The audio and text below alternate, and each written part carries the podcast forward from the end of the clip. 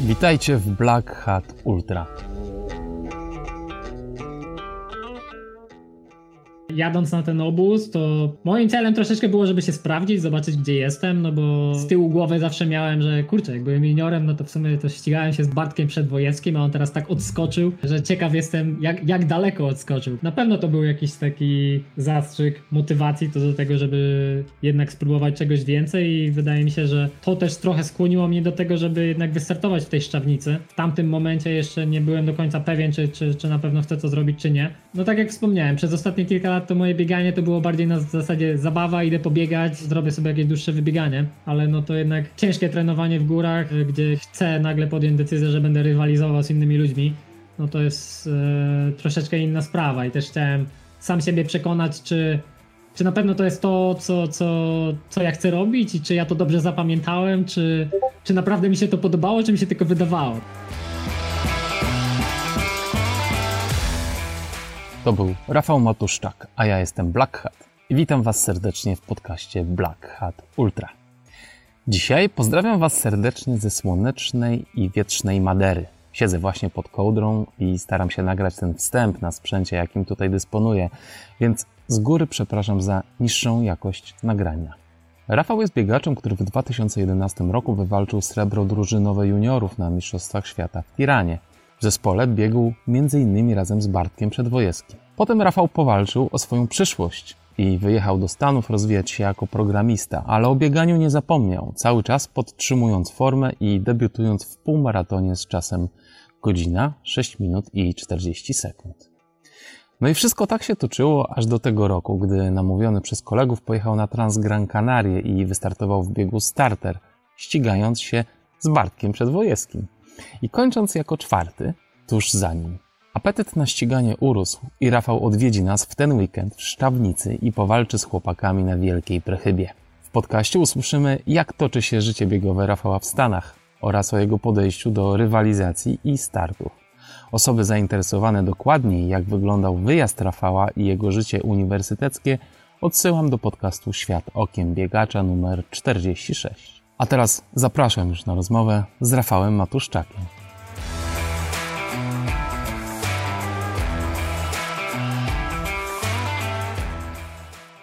Cześć Rafał, witam cię serdecznie. Cześć Kamil. Super, że udało nam się spotkać przed Szczawnicą. E, ponieważ mieszkasz daleko, bo aż w San Francisco, to e, musieliśmy zrobić rozmowę zdalną, ale no, taki świat, takie życie. Dobrze, że udało nam się jakoś te strefy czasowe połączyć. Słuchaj, ty masz niesamowitą historię, bo jako młody chłopak wyjechałeś do Stanów. Biegałeś tutaj z dużymi sukcesami. Na Mistrzostwach Świata w Tiranie też z Bartkiem Przedwojewskim i innymi chłopakami e, zdobyliście srebrny medal. Czy to właśnie po tej imprezie zostałeś zauważony i jakoś e, te szkoły amerykańskie się otworzyły przed tobą, czy jaka była droga twoja do Stanów? Yy, znaczy nie, nie, do końca, bo niestety tutaj w Stanach Zjednoczonych te wszystkie uniwersytety, no to one... Jeżeli chodzi o biegi górskie, jakokolwiek biegi trailowe, no to nie za bardzo są zainteresowane tym w jakikolwiek sposób. Dla tych szko szkoł w Stanach Zjednoczonych liczy się głównie e, stadion i, i przełaje, więc e, prawda jest taka, że, że, że to właśnie te przełaje e, i jakieś tam wyniki na bieżni, no to to jest to, co pozwoliło mi wyjechać. Ale to też nie było tak, że ja byłem zauważony przez szkoły tak same z siebie, no bo to prawda jest taka, że poza yy, osiągnięciami jakimiś tam na, na, na, poziomie krajowym, typu nie wiem, tam wygrałem Mistrzostwa Polski w przełajach, yy, no to, to jednak na tej arenie międzynarodowej jakoś nie błyszczałem, bo pamiętam moje pierwsze Mistrzostwa Europy właśnie w przełajach, to chyba dobiegłem 90 któryś, więc no to, to, to nie jest żaden wynik z perspektywy właśnie dla tych szkół w Stanach Zjednoczonych, no bo tutaj oni jednak ściągają talenty z całego świata, więc trochę to wyglądało tak, że to ja się starałem o to, żeby wyjechać i, i pracowałem z takim e, jakby menadżerem w Polsce, który zajmuje się wyszukiwaniem szkół w Stanach Zjednoczonych, które byłyby w stanie zaoferować mi jakiekolwiek stypendium. To polega mniej więcej na tym, że tam płaci się troszeczkę pieniędzy i, i, i ta osoba, która już ma do czynienia właśnie z tym systemem, wie jak to działa, wie jakie papiery trzeba wypełnić. W skrócie właśnie kontaktuje się z tymi trenerami tutaj na miejscu i, i e, wtedy dopiero te szkoły zaczynają się, się, się odzywać. Oczywiście może być też ta druga opcja, o której ty wspomniałeś, że, że jak ktoś ma tam jakieś bardzo takie dobre wyniki, na przykład moja żona, kiedyś Weronika Pyzik, teraz już Matuszczak, ale, ale właśnie ona po tym jak dobiegła 14 na Mistrzostwach Europy, no to, to było tak, że, że, że te szkoły zaczęły się do niej same odzywać, tak? Także ona z jej perspektywy to mogła przebierać w ofertach i, i, i, i to ona dyktowała warunki. No u mnie wyglądało to trochę inaczej, bo tak jak wspomniałem, to, to ja się starałem o to, żeby wyjechać. I w sumie to yy, wydarzyło się to dlatego, że, że, że mój znajomy z yy, klubu LKS Osowa Sień właśnie podjął tą samą drogę, no i właśnie kiedyś sam zobaczyłem, jak byliśmy na obozie, że ma taką grubą książkę, yy, się okazało właśnie, że się uczy do amerykańskiej matury E, więc troszkę zainteresowałem tematem, no i, i, i minął, minął, kolejny rok i, i on wyjechał i, później ja też jakoś tak właśnie poszedłem tą samą drogą. A ja widzisz, ja myślałem, że to będzie romantyczna historia, w której twoja dziewczyna, obecna żona została ściągnięta przez Amerykę i ty za nią podążasz i wypełniasz papiery z prawnikami jakieś. troszkę, troszkę było odwrotnie. Znaczy, bądźmy szczerzy, troszkę mnie przyciągnęła na drugą stronę Stanów Zjednoczonych, bo ja y, początkowo byłem w szkole na Florydzie. Tak, tak nawiasem, nijak związany z górami, bo na Florydzie nie ma żadnych gór, chyba jeden z bardziej płaskich stanów, więc troszeczkę nad tym ubolewałem, bo, bo akurat tą, tą, tą część mojego biegania musiałem troszeczkę zostawić na później. No ale właśnie Weronika, ona skończyła w szkole w San Francisco, e, no i tak się to się właśnie wszystko jakoś ładnie połączyło, bo ja zawsze też marzyłem o tym, żeby trochę popracować w Dolinie Krzemowej. Zawsze moje San Francisco to było chyba moje ulubione miasto, zawsze chciałem tutaj przyjechać. Dobrze, to jeszcze, y, żebyśmy powiedzieli naszym słuchaczom, jakie ty miałeś wyniki w Polsce, które mogłeś wrzucić do portfolio, żeby się starać o to stypendium? Y, jakie byś wymienił twoje najlepsze wyniki na bieżni wtedy, albo, albo przełajowe? Znaczy się, jeżeli chodzi o wyniki na bieżni, to, to, to nie było może jakieś takie bardzo wygórowane. Ja wtedy pamiętam, biegałem piątkę około 15 minut, więc to też nie jest coś nieosiągalnego. Wydaje mi się, że no to jest taki przyzwoity poziom, ale na juniora oczywiście, bo wtedy byłem juniorem, juniorem młodszym, no to to był chyba mój wynik, jak dobrze pamiętam. Dychy jakoś nie miałem nigdy okazji pobiec, bo jedyną dychę, którą wystartowałem wtedy w Polsce, no to akurat się okazało, że, że, że byłem chory i nie dobiegłem tego dystansu ale takie największe y, sukcesy no to miałem jednak w przełajach, bo wygrałem ogólnopolską olimpiadę młodzieży w przełajach, później y, wygrałem mistrzostwa y, polskich juniorów, gdzie też się właśnie zakwalifikowałem na mistrzostwa świata, więc głównie właśnie te wyniki z przełajów, gdzie, gdzie, gdzie jakoś tam byłem w stanie pokazać dobry poziom, no to to, to się liczyło i, i, i wydaje mi się, że to jest jedna z tych ważniejszych rzeczy, bo prawda jest taka, że właśnie te szkoły w Stanach Zjednoczonych, one bardzo, bardzo dużą e, uwagę przykładają do przełajów. W wielu sytuacjach jest tak, że, że szkoły nawet nie mają programu tego stadionowego, także praktycznie cały nacisk jest właśnie na przełaje, no i żeby zbudować dobrą drużynę, więc no, wydaje mi się, że, że, że to był ten, ten główny taki, taki, taki motor.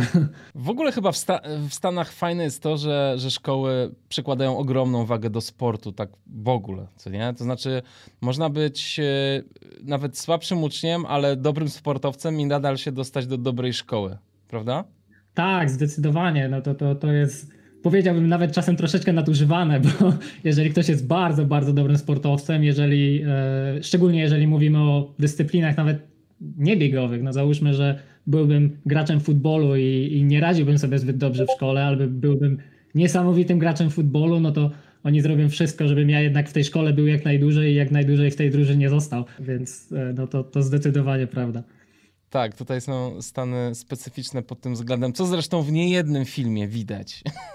No tak. Jak ten sport jest ważny y, w szkołach.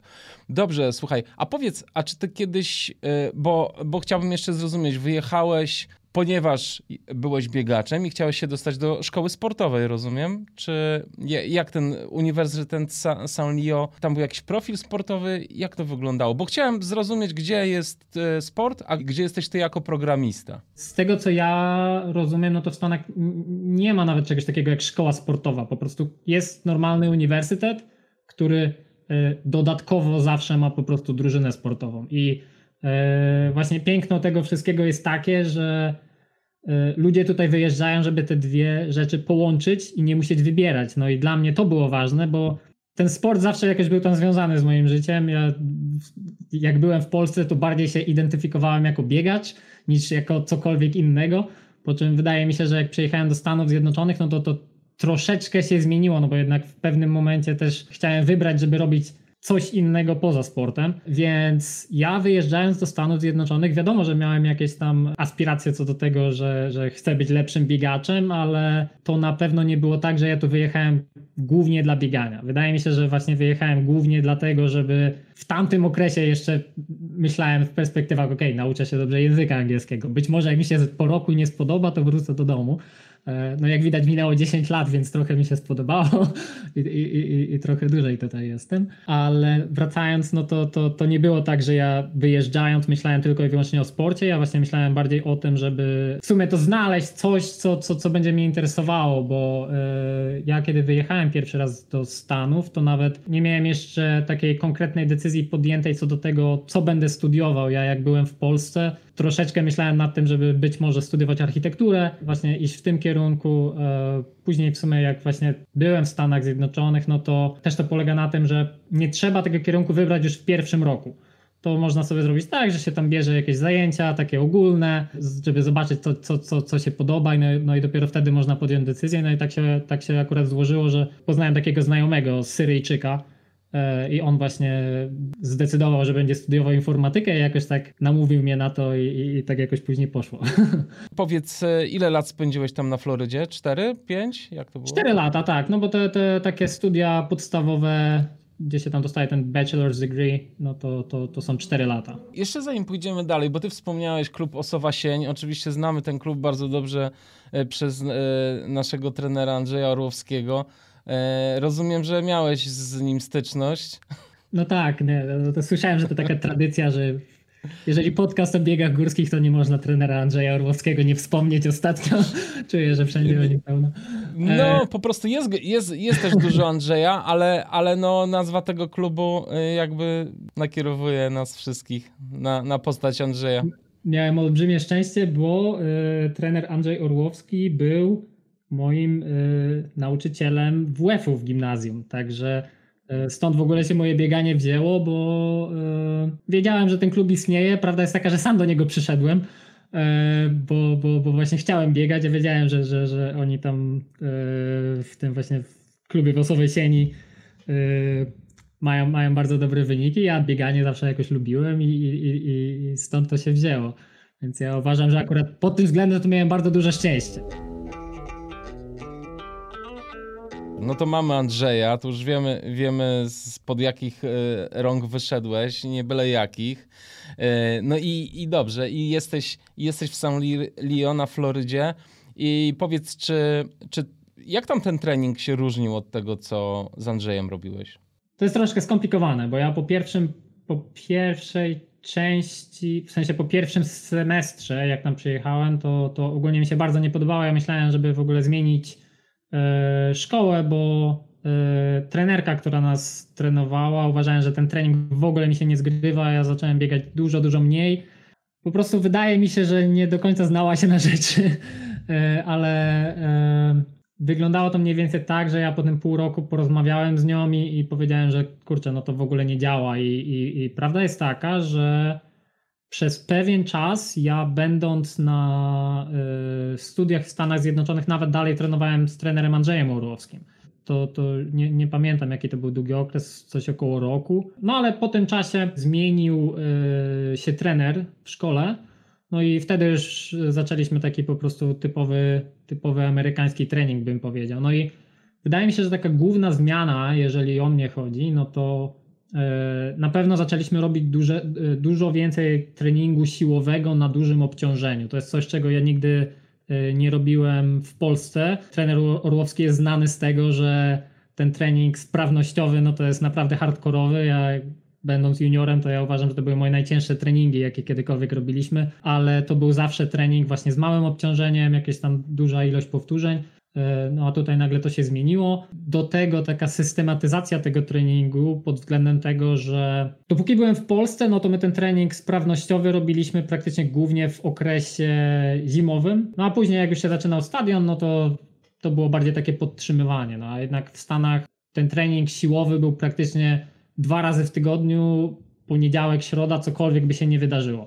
E, więc, więc to na pewno się zmieniło i uważam, że to był e, to była chyba jedna z rzeczy najbardziej na plus dla mnie. No i dodatkowa rzecz to taka, że praktycznie zrezygnowaliśmy z y, biegów w drugim zakresie, no bo to, to, to, to nie jest jakaś nowość, to powiem, że w Stanach Zjednoczonych znaczy się, źle mówię. To nie jest tak, że my nie biegaliśmy w drugim zakresie, nie biegaliśmy go intencjonalnie, bo tutaj jednak biega się e, ten tempo run, tak? To jest bieganie troszeczkę szybciej niż, niż ten drugi zakres, więc na pewno ten dystans się troszeczkę zmniejszył, jeżeli chodzi o te treningi, ale za to prędkości wzrosły. Plus dodatkowo, co, co, co bardzo dobrze na mnie działało, to były biegi progresywne. E, więc e, uważam, że, że to w dużej części zastąpiło mi te właśnie biegi w drugim zakresie, które do tej pory bardzo, bardzo często robiłem w Polsce, no bo e, akurat z trenerem Andrzejem Orłowskim to był praktycznie taki filar naszego treningu, no to ja, ja, ja głównie na tym wszystko opierałem. No i tutaj nagle przyjechałem i, ten, i, i to kompletnie zniknęło, ale te, te biegi e, progresywne bardzo dobrze działały na mnie pod tym względem, że jednak dużą część tego biegu dalej biegnie się w drugim zakresie, prawda? Tylko, że trzeba, trzeba to tak rozplanować i tak, tak, tak nauczyć się kontroli prędkości, żeby jednak skończyć ten trening dużo, dużo szybciej. A, a przepraszam, jak mówisz progresywne, to masz na myśli bieg z narastającą prędkością, tak? Tak, tak, tak. Bieg mhm. z narastającą prędkością. Okay. I, I powiedz jeszcze, y, czy wy do tych samych dystansów się szykowałeś y, zarówno z, z panem Orłowskim, jak i, jak i w Stanach ze swoim trenerem? To były te same dystanse? Bo tak o, o tę strefę tętna się Y, się zastanawiam, czy, czy wy trenowaliście po prostu do tej samej dyscypliny?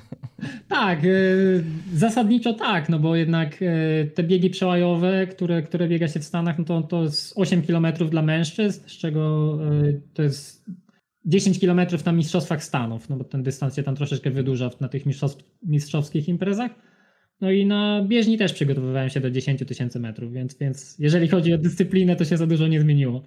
No, ale wracając jeszcze, e, ten, ten trening w sumie na mnie na tyle dobrze działał, że nawet później jak skończyłem studia i, i tam przez pewien moment przygotowywałem się z powrotem z trenerem Orłowskim do półmaratonu, no to sam poprosiłem o to, żebyśmy jednak te, te biegi progresywne zostawili, bo to, to była jedna z tych rzeczy, które naprawdę mi się bardzo podobała. A podobało ci się, bo czułeś, że, że daje ci progres? Czy po prostu lubiłeś te treningi? Zdecydowanie. Y, nawet y, właśnie tak jak wspomniałem, ja czułem, że mi to do pewnego stopnia zastępuje te, te biegi e, e, ciągłe w drugim zakresie, ale co mi e, bardzo pomagało, no to, że psychicznie dużo lepiej się czułem, bo ja zawsze wiedziałem, że ja mogę skończyć szybciej. W sensie byłem bardzo przyzwyczajony do tego, że jednak jestem w stanie jeszcze coś tam dołożyć, nawet jak już jestem bardzo zmęczony, więc akurat to, to mi się bardzo podobało. A powiedz mi jeszcze, bo to, to ciekawe, dlaczego w Stanach się nie biega tych drugich zakresów? Jak oni to tłumaczą? Kurczę, wydaje mi się, że to jest troszkę też na tej zasadzie, że nie do końca jest, y, jest to mierzone, bo to akurat było dla mnie trochę zaskoczeniem, że nie wiem, będąc w Europie jakoś nam się kojarzy, że w Stanach Zjednoczonych to jest bardzo nie wiem, rozwinięta technologia i tak dalej i że prawdopodobnie to jest wszystko bardzo w naukowy sposób zrobione. A dla mnie zaskoczeniem było to, że bardzo duża część treningu była oparta na, na samopoczuciu i że yy, ja na przykład nigdy nie miałem mierzonego kwasu na treningu. Nigdy nie miałem, nigdy nie za bardzo mnie ktoś pytał o tętno na tym treningu. Bardziej to, to, to było związane z tym, jak, jak się czuję, a co jest jeszcze inne, to nie do końca jak ja się czuję, tylko jak wygląda cały ogół drużyny. Bo y, jednak tutaj bieganie wbrew pozorom jest traktowane jako sport drużynowy, więc może nie do końca to zależy od tego, czy ja będę akurat w najlepszej formie życia. Ważne, żeby cała drużyna była zgrana i żebyśmy byli gdzieś tam blisko siebie na w miarę wyrównanym poziomie.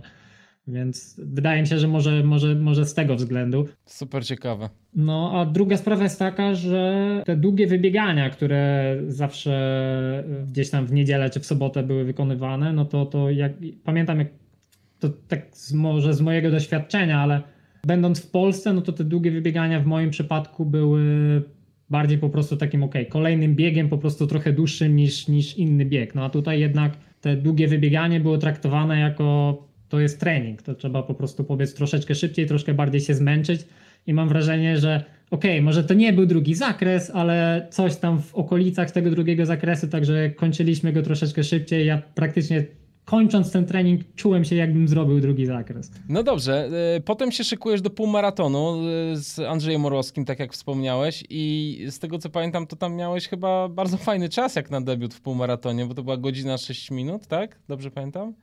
E, tak, godzina 6 z groszem, godzina 6, no z groszem, 40 coś, więc e, duży grosz, ale, ale tak, no cel był wtedy właśnie godzina 6, e, troszeczkę nie przygotowałem się pod względem logistycznym, nie sprawdziłem, że trasa będzie aż tak górzysta i pamiętam właśnie, to był jeden z tych biegów, który przebiegłem połowę i mówię, nie, ja kończę, zaraz się zatrzymam, ale e, później całe szczęście zrobiło się troszeczkę prościej, jakoś się zebrałem w sobie, no i ostatecznie właśnie, no jak na debiut uważam, że, że, że był bardzo udany, w sumie od tamtego czasu e, nie udało mi się pobiec tego e, podobnego wyniku, więc...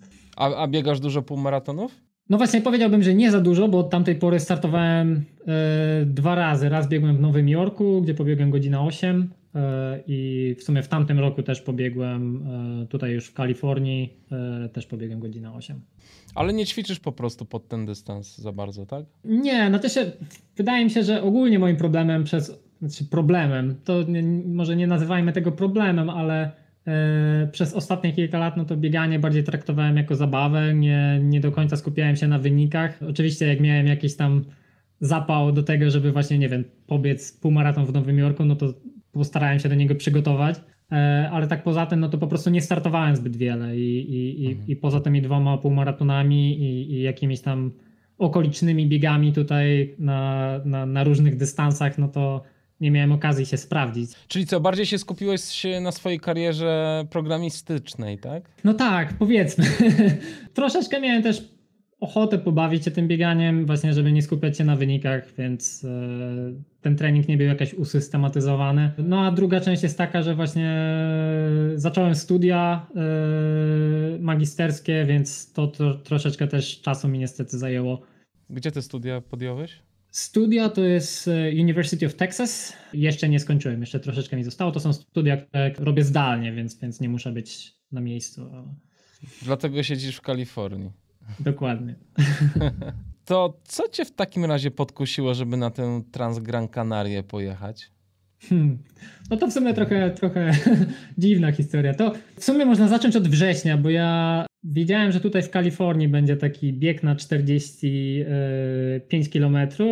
To, jest taki e, znany szlak obok San Francisco, on się nazywa Dipsy. No jest taki bieg, który robi ten szlak cztery razy i, i, i, i to jest około 2000 metrów przewyższenia na takim biegu. No i ja tam powolutko zacząłem się do niego przygotowywać bez jakichś większych planów. No ale tak się złożyło, że okej, okay, przygotowałem się, no i niestety yy, w tydzień tego, w tydzień, yy, w tygodniu, w którym ten, ten, ten bieg miał, miał się odbyć, no to zachorowałem yy, i ostatecznie nie wystartowałem w tym biegu. No ale jednak coś tam w tych nogach mi zostało, no bo troszeczkę, troszeczkę więcej zacząłem biegać, żeby się do niego przygotować. No i tak się złożyło, że Florian przyszedł ze świata okiem biegacza, odwiedził mnie w San Francisco na trzy tygodnie, no i pobiegaliśmy troszeczkę razem tutaj po okolicznych górach, no i on mi w sumie wspomniał, że e, jedzie z chłopakami na, e, na obóz e, na Gran Canaria, no i po prostu mnie namówił. W sumie to nie musiał mnie namawiać, bo wystarczy, że mi wspomniał. Ja w sumie od dłuższego czasu myślałem, żeby coś takiego zrobić, bo troszeczkę mi się tęskniło za tym, żeby jednak troszeczkę więcej po, popracować, no i po prostu pobyć z biegaczami lepszymi ode mnie, którzy mogą mi złoić tyłek. Więc no tak się złożyło, że, że, że akurat udało mi się e, polecieć na ten obóz. No a ten bieg właśnie, który, który odbył się podczas tego, tego czasu, no to, to, to był bardziej dodatkowo. My w sumie wszyscy nie, nie skłanialiśmy się jakoś do tego, żeby się do tego biegu specjalnie przygotowywać. Był, był on raczej po prostu częścią naszego obozu, takim sprawdzeniem się na sam koniec. Jaki jest twój stosunek i czy dużo biegałeś po górach? Bo przełaje to są przełaje, tam nie ma zazwyczaj zbyt wielu przewyższeń, a bieganie górskie to jest jednak e, inna para koloszy. I kiedy ty wkręciłeś się w bieganie po większych przewyższeniach? To jest akurat trudne pytanie, bo ja w Polsce też nigdy nie mieszkałem w górach. No, Wschowa w województwie lubuskim to, to nie jest obszar górski nijak. Troszeczkę zawsze nam tam brakowało tego, ale właśnie no, trener Andrzej Orłowski zawsze jakieś te góry lubił i, i praktycznie nawet jako młodzicy startowaliśmy w Mistrzostwach Polski. E, wtedy one się jeszcze odbywały na Górze Świętej Anny przez jakiś czas. E, później jeszcze to troszeczkę pozmieniało, no ale e, właśnie będąc już juniorem młodszym zacząłem startować troszeczkę więcej po tych górach. Tylko, że dalej to polegało na tym, że ja się głównie przygotowywałem do, do przełajów, do, do, do biegów na stadionie. No te góry zawsze jakoś tam były dodatkowo. E, no chyba, że już mieliśmy w planach jakieś, nie wiem, Mistrzostwa Europy albo coś takiego, no to wiadomo, że staraliśmy się, żeby tych przewyższeń było troszeczkę więcej, więc e, wydaje mi się, że ja góry po prostu zawsze bardzo lubiłem. Wiadomo, że, że, że będąc w Polsce, e, będąc juniorem, jeszcze chodząc gdzieś tam do liceum, to to też nie było takie proste, żeby cały czas siedzieć w górach, ale bardzo, bardzo dużo czasu spędzałem w Szklarskiej Porębie na przykład, gdzie, gdzie biegałem po górach i, i, i, i jakoś te, te, te przewyższenia tam robiłem. Więc no wydaje mi się, że to tak po prostu stopniowo dochodziło. Jakoś po prostu dobrze sobie radziłem na, na, na, na biegach górskich. Y, prawda jest taka, że y, ten trening nigdy nie był jakoś u... wyspecjalizowany w tym kierunku, bym powiedział. Trening Andrzeja Orłowskiego w ogóle jest znany z tego, że tam siły jest dosyć sporo, nawet jeżeli y, trenujemy do biegów płaskich czy biegów przełajowych. Więc, więc to naturalnie gdzieś tam wychodziło dodatkowo gdzieś tam mogłem dołożyć troszeczkę więcej. No a już właśnie po, po skończeniu studiów, no to wydaje mi się, że to po prostu z takiej czystej przyjemności. No wydaje mi się, że ja tutaj nie muszę nikogo przekonywać, że bieganie w górach może być dużo przyjemniejsze niż tam trzaskanie kilometrów po asfalcie, bo wiadomo, jest dużo, dużo piękniej, dużo, dużo bardziej zróżnicowane tereny. E, więc wydaje mi się, że teraz to jest głównie to, co mnie trzyma, no bo też nie mam już jakiegoś takiego parcia, żeby właśnie jakoś szlifować mój e, czas w półmaratonie na, na płaskim dystansie na przykład wydaje mi się, że bardziej skłaniam się do tego, żeby szukać coś, co po prostu będzie mi sprawiać przyjemność i, i, co będzie ciekawe. A powiedz w ogóle, jak w San Francisco się biega po górach? Myślimy o dużym mieście, betonowa dżungla, ale tam jest dużo pagórków, prawda? Powiem tak, jak się kiedykolwiek stąd wyprowadzę, to mi będzie bardzo smutno, bo uważam, że, że, że to miasto jest naprawdę stworzone do biegania. Nawet nie wspominając o tym, że, że do biegania po górach, ogólnie do biegania. Tych ścieżek biegowych jest naprawdę mnóstwo. Pogoda praktycznie jest idealna przez cały rok. Poza tam może miesiącem podczas zimy, kiedy troszkę więcej pada, no ale ten, ten klimat się utrzymuje idealny praktycznie. E, no i wbrew pozorom to nie jest aż tak betonowa dżungla, bo wiadomo, że jeżeli gdzieś tam się mieszka w centrum miasta, to, to, to będzie troszeczkę ciężej, żeby znaleźć e, jakiś tam miękki odcinek e, do biegania na przykład. Ale wbrew pozorom San Francisco nie jest dużym miastem, więc dostęp do parków jest naprawdę ogromny i to mówię tylko yy, nawet jeżeli ktoś mieszka w, w, samym mieście, prawda, nie będzie miał żadnego problemu, żeby po prostu wyjść na, na, na bieganie po parku i zrobienie 20 km. To, to nie, mhm. nie ma żadnego problemu. Ja w sumie sam mieszkam idealnie w centrum miasta w tym momencie i nie mam żadnego problemu, żeby wyjść i zrobić 20 km i 1000 metrów przewyższenia, gdzie praktycznie większość z tego biegnę po jakichś ścieżkach w parkach i, i, i, nie muszę się martwić o to, że tam, nie wiem, zatrzymuję się na światłach na przykład.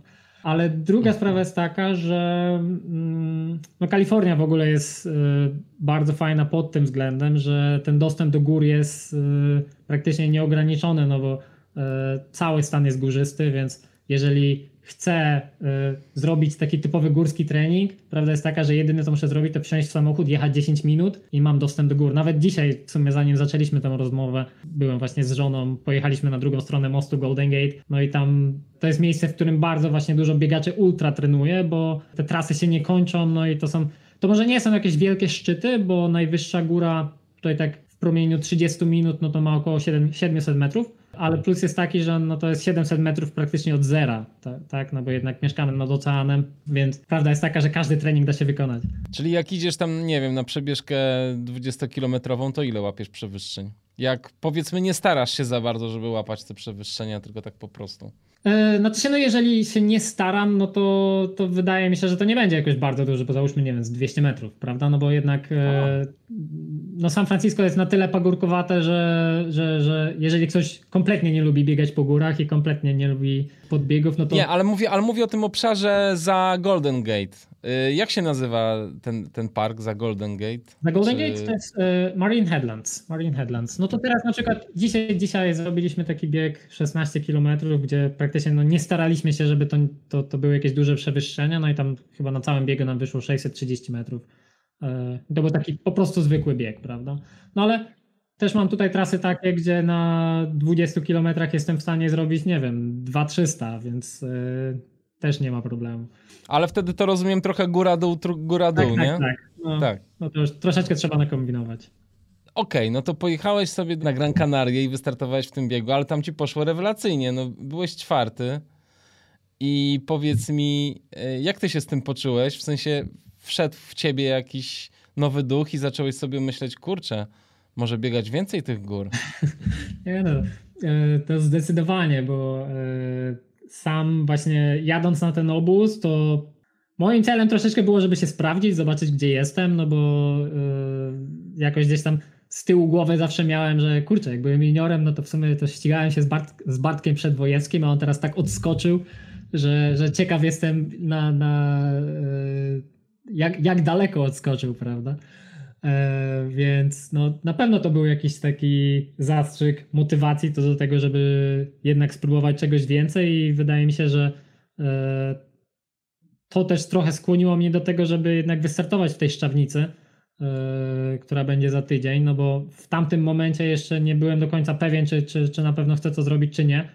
No tak jak wspomniałem, przez ostatnie kilka lat to moje bieganie to było bardziej na zasadzie zabawa, idę pobiegać, zrobię sobie jakieś dłuższe wybieganie jak, jak mam ochotę, ale no to jednak takie ciężkie trenowanie w górach, e, gdzie, gdzie chcę nagle podjąć decyzję, że będę rywalizował z innymi ludźmi, no to jest e, troszeczkę inna sprawa. I też chciałem sam siebie przekonać, czy, czy na pewno to jest to, co, co, co ja chcę robić i czy ja to dobrze zapamiętałem, czy, czy naprawdę mi się to podobało, czy mi się tylko wydawało, tak? A czy nie obawiasz się, że troszeczkę ten skok jest duży, yy, bo to jest aż dystans maratoński tam w tej Szczawnicy, prawda?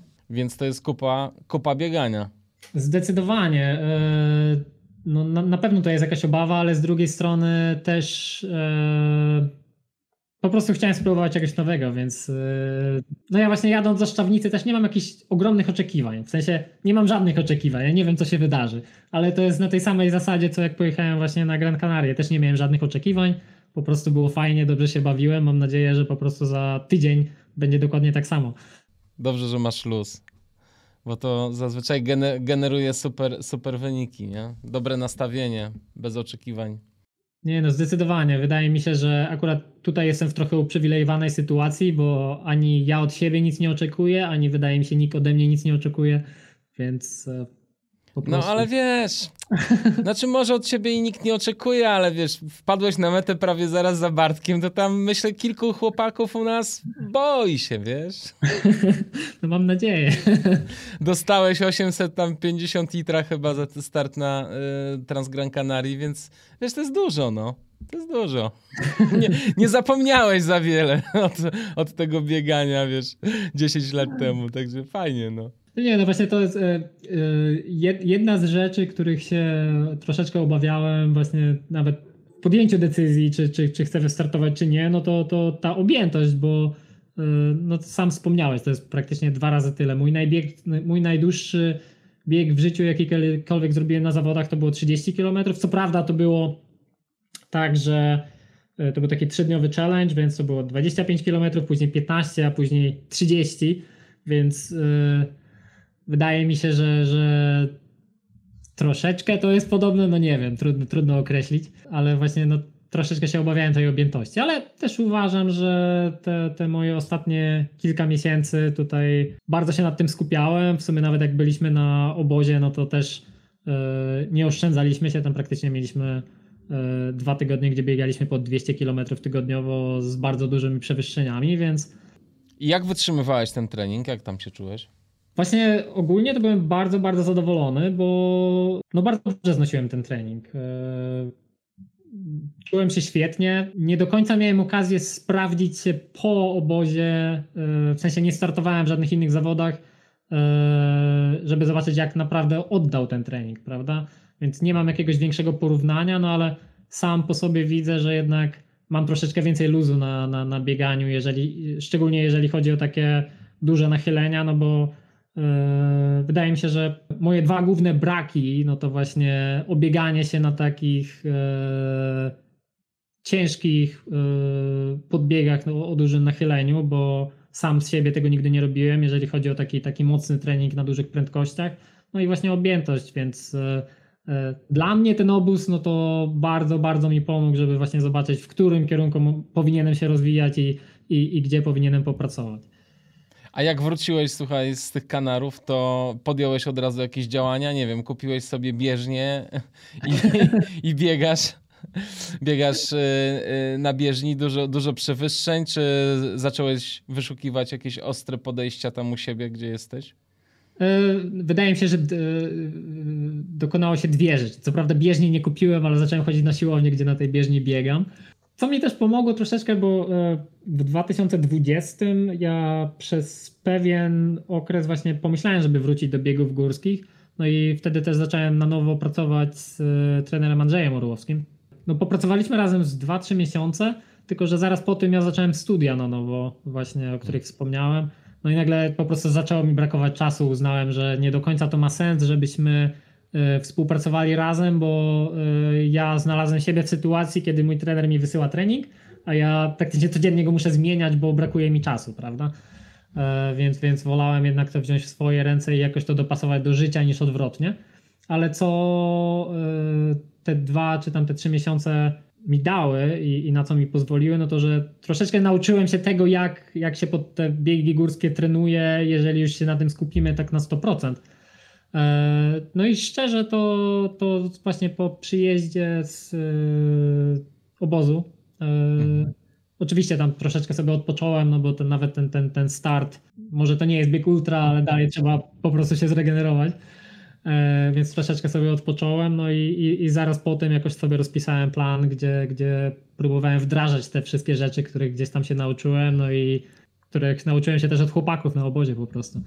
E, a teraz do Szczawnicy przygotowujesz się właśnie sam, czy, czy, czy z Andrzejem? Tak, nadal się przygotowuję sam. E, no właśnie to też z tego względu, że no jednak uważam, że w obecnej sytuacji, kiedy sam, sam, sam widzisz, jaki problem jest, y, kiedy próbujemy nawet dogadać się na czas rozmowy, bo mamy tą y, różnicę czasu. No i ta różnica czasu też wpływa na komunikację z trenerem. Ja sam z siebie też wiem, że nie do końca jestem w stanie na 100% zaplanować, jak będzie wyglądał mój tydzień, prawda? No bo jednak y, też pracuję, do tego mam te studia, nie do końca wiem, czy to będzie ciężki tydzień, czy nie. I, i wydaje mi się, że szanując trenera czas, wydaje mi się, że dużo lepiej z mojej perspektywy, jeżeli e, sam sobie ten trening będę układał, nawet jeżeli to będzie na zasadzie, ok, ja sobie ułożę ten tydzień mniej więcej e, i, i w, ostatecz, w ostateczności mogę coś zmienić. E, nie wiem, zamiast wyjść w góry, bo akurat tego dnia zaplanowałem jakiś tam long run, to po prostu wyjść na bieżnię i zrobić coś innego.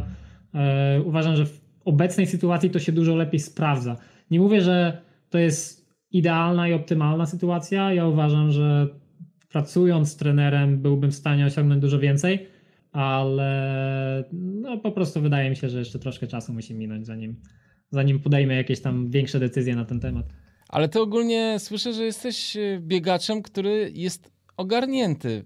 Wie na czym polega trening biegowy, bo są biegacze, którzy po prostu realizują plan, i oni tak naprawdę nie interesują się za bardzo tym, co robią, ale, ale ty y, troszeczkę w tę teorię treningu wszedłeś, wiesz o co w tym chodzi, potrafisz sobie zrobić plan dobry. E, interesuje cię to w ogóle? Takie rozpisywanie sobie planów? Interesuje mnie na 100%. Wydaje mi się, że może nie do tego stopnia, żeby, nie wiem, zacząć go rozpisywać innym, innym ludziom, no bo to jest troszeczkę inna sprawa i troszkę inny rodzaj odpowiedzialności. Tutaj, jeżeli ja coś zepsuję, to ja coś zepsuję na sobie, prawda? Mhm. E, co się wydarzy, nie wiem, to właśnie e, to jest jedna z tych rzeczy, którą ja w ogóle troszeczkę lubię w tym całym procesie w obecnej sytuacji, no bo ja też chciałbym wiedzieć, co nam nie działa, co nam nie działa. Tak samo jak wspomniałem właśnie o tych biegach progresywnych. to była rzecz, której kiedyś nigdy nie robiliśmy, nagle ona się pojawiła i kurczę, no to, to, to działa, może to utrzymajmy, prawda? E, więc, więc, więc teraz też tam e, próbuję troszeczkę kombinować, e, zobaczyć co nam nie działa. A co do właśnie takiej teorii treningu i, i, i, i, znajomości na ten temat, to wydaje mi się, że trochę to wynika z tego, że nawet będąc w Polsce, trenując z e, trenerem Andrzejem, e, on sam w pewnej rozmowie wspomniał, że z jego perspektywy e, zawodnik powinien stawać się coraz bardziej e, samodzielny. No i mam wrażenie, że dokładnie to nastąpiło w pewnym momencie, bo ja praktycznie od, e, od, od od nawet juniora młodszego. No ja większość treningów wykonywałem sam, nie, nie, spotykaliśmy się w grupie. Trochę to też wynikało z tego, że ja nie mieszkałem we Wschowie, zaraz yy, tam, tam, tam, gdzie mieszka mój trener, tylko, tylko 10 kilometrów dalej. No i okej, okay, może to nie jest jakiś zabójczy dystans, ale, ale chodząc do szkoły i tam wiadomo, nie, nie chciałem ciągnąć rodziców, żeby mnie zawozili na treningi i tak dalej, więc bardzo, bardzo często te treningi wykonywałem sam. No i wydaje mi się, że to stąd się to też troszeczkę wzięło, że jednak gdzieś to wyczucie organizmu w pewnym momencie samo z siebie przychodzi. Szczególnie jeżeli widać rozwój, wydaje mi się, że taki normalny instynkt zawodnika, no to jest zastanowić się, kurczę, co nam niedobrze wpłynęło, może jednak mhm. warto, warto się troszeczkę o tym więcej dowiedzieć i, i to kontynuować. Dobrze, a słuchaj, a teraz jak y, troszeczkę się podjarałeś bardziej tymi górami, czy na przykład starty na Golden Trail Series ciebie jakoś kręcą? Zdecydowanie. Wydaje mi się, że w tym roku jeszcze e, może być ciężko co do, co do startowania w tych zawodach. E, wiem, że jeden z biegów serii odbywa się w Kalifornii, więc e, to jest gdzieś tam na moim radarze. No nie wiem, na, na, na, pewno to nie jest tak, że nagle chciałbym startować wszystko, co, co, co się pojawia na horyzoncie, prawda? E, wydaje mi się, że, że, że zacznę z tą szczawnicą, zobaczymy jak wyjdzie, a, a co będzie dalej, no to, to się okaże. Niekoniecznie skłaniam się do tego, żeby właśnie może biegać w tym Golden Trail World Series żeby ustawić to jako mój główny cel. Wiem, że tutaj w okolicy jest kilka biegów, które chciałbym wystartować, e, póki jeszcze jestem w Stanach, bo prawda jest taka, że też nie planuję zostać tutaj na resztę mojego życia, więc e, staram się wykorzystać mój czas tutaj jak, jak, jak najlepiej potrafię. No i, i, i wydaje mi się, że w tą stronę to raczej będzie szło. Mi się w ogóle wydaje, wiesz, że jak, jak opowiadasz o swoim życiu, że masz studia, pracę i bieganie, to no to też ciężko by ci było się skupić na tym Goldenie, prawda? To jest nierealne chyba w obecnej sytuacji ciężko jest mi zaplanować coś na na przykład dwa miesiące do przodu, no bo na przykład teraz e, akurat wszystko się po prostu idealnie złożyło, bo i w pracy nie mam jakiegoś zajazdu, jest troszeczkę lżej e, i zajęcia, które wziąłem na, na, na studiach e, na ten semestr są po prostu proste, więc nagle mam ileś tam więcej godzin czasu w tygodniu, prawda? No ale nie zawsze tak jest, na przykład jesienią e, poprzedniego roku, no to ja pamiętam, że bardzo często było tak, że po prostu odpuszczałem trening, bo nie wyrabiałem się czasowo.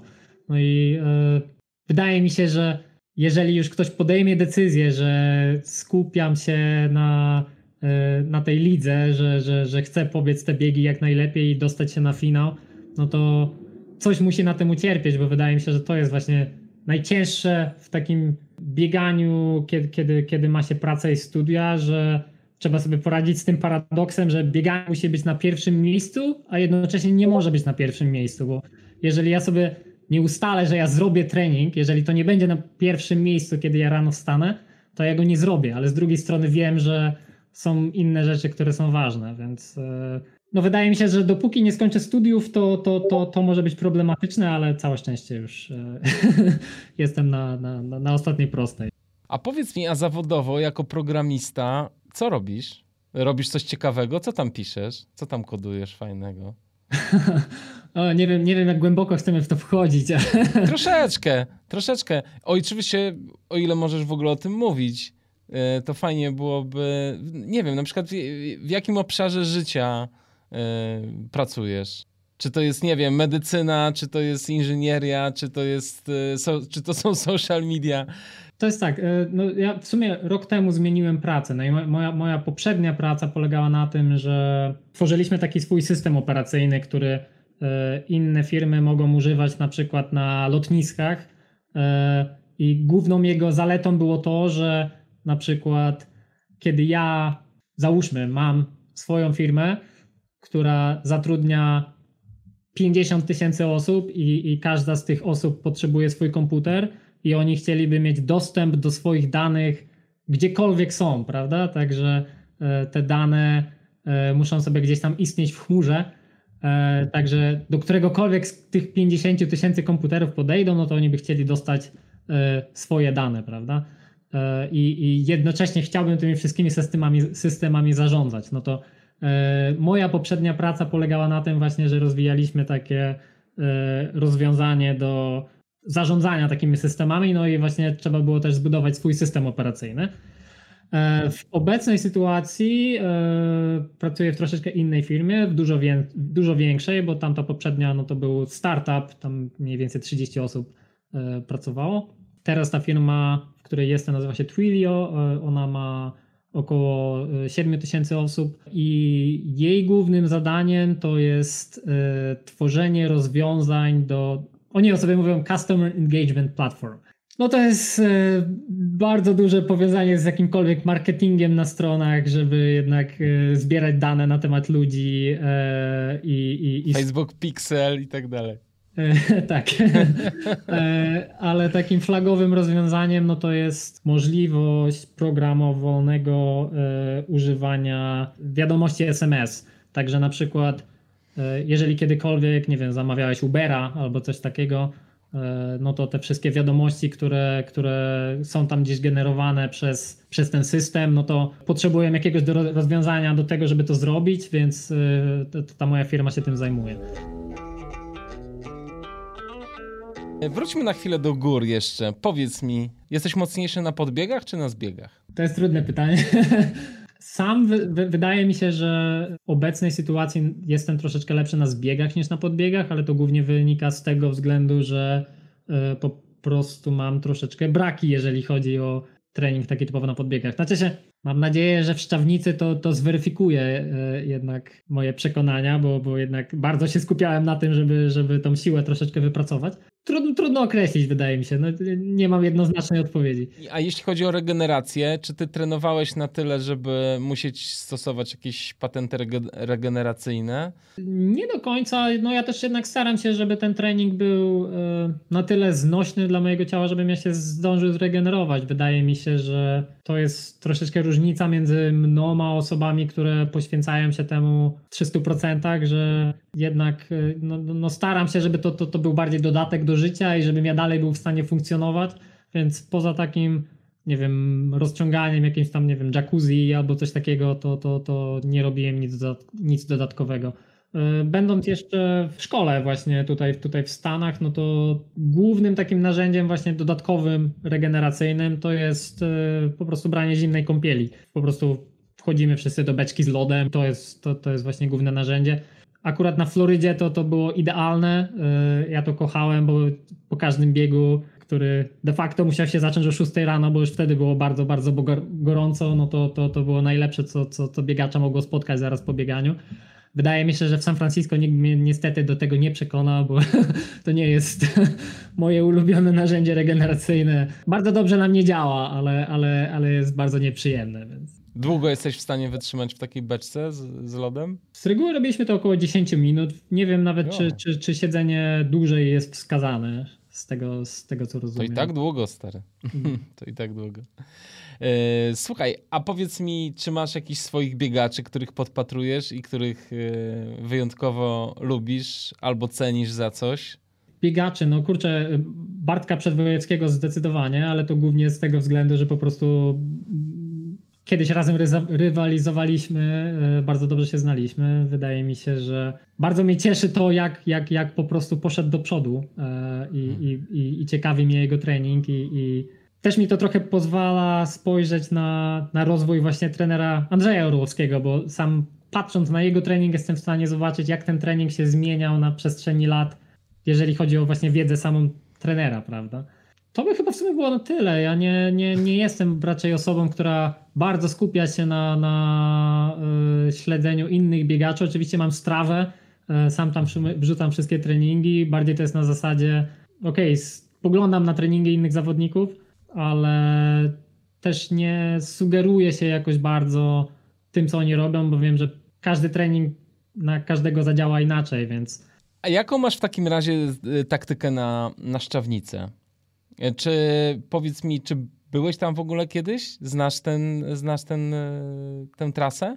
E, nie, nie mam pojęcia, e, jak ta trasa wygląda. Z tego co rozumiem, nie jest zbyt trudna, nawet patrząc na same aspekty e, przewyższenia co do dystansu, prawda? No to te 2000 metrów przewyższenia na 44 km to, to nie jest coś, co bardzo zwala z nóg, więc zakładam, że nie będzie jakaś bardzo trudna.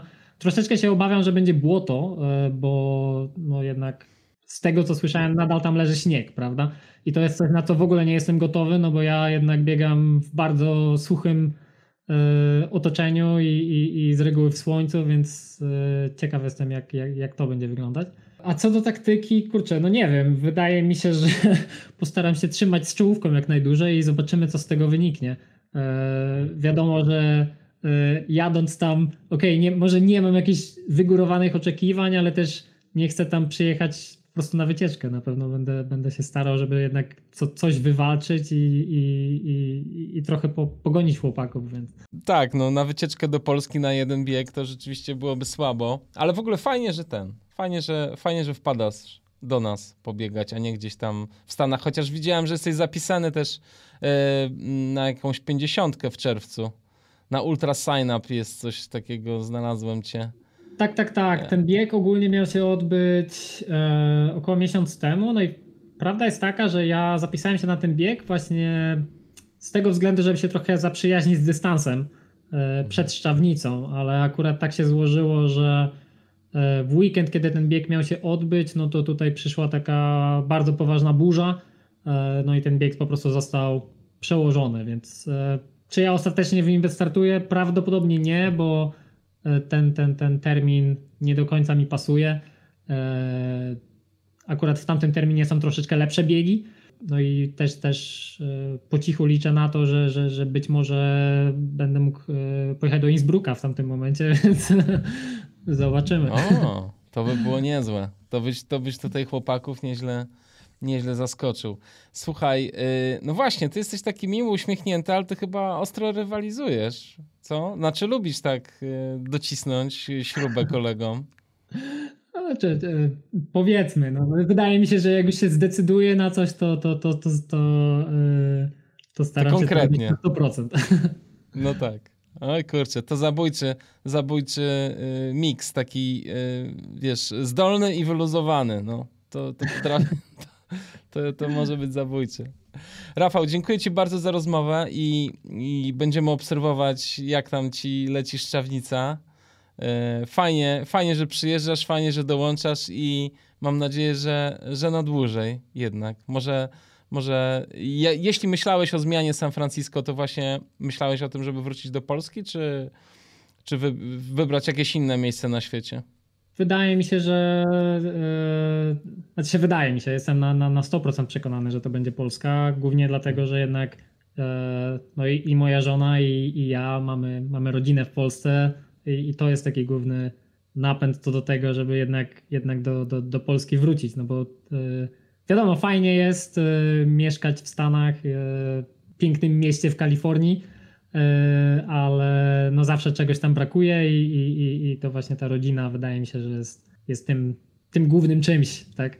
Więc, Trochę e, tęskno, co? Trochę tęskno. No.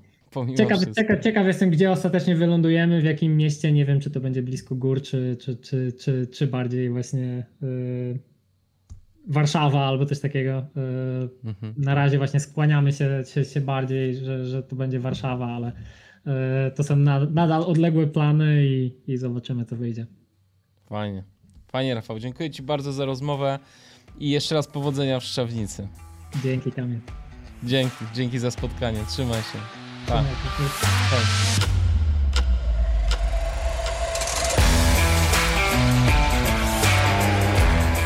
Dziękuję serdecznie za wysłuchanie tego podcastu. Nie wiem jak wy, ale poczułem skalę talentu Rafała i tak sobie myślę, że przed totalnym laniem może ochronić naszych chłopaków fakt, że Rafał nie biegał jeszcze długich górskich maratonów. Dzisiaj kończę już szybciutko, bo słońce na Maderze wysoko. Buźka.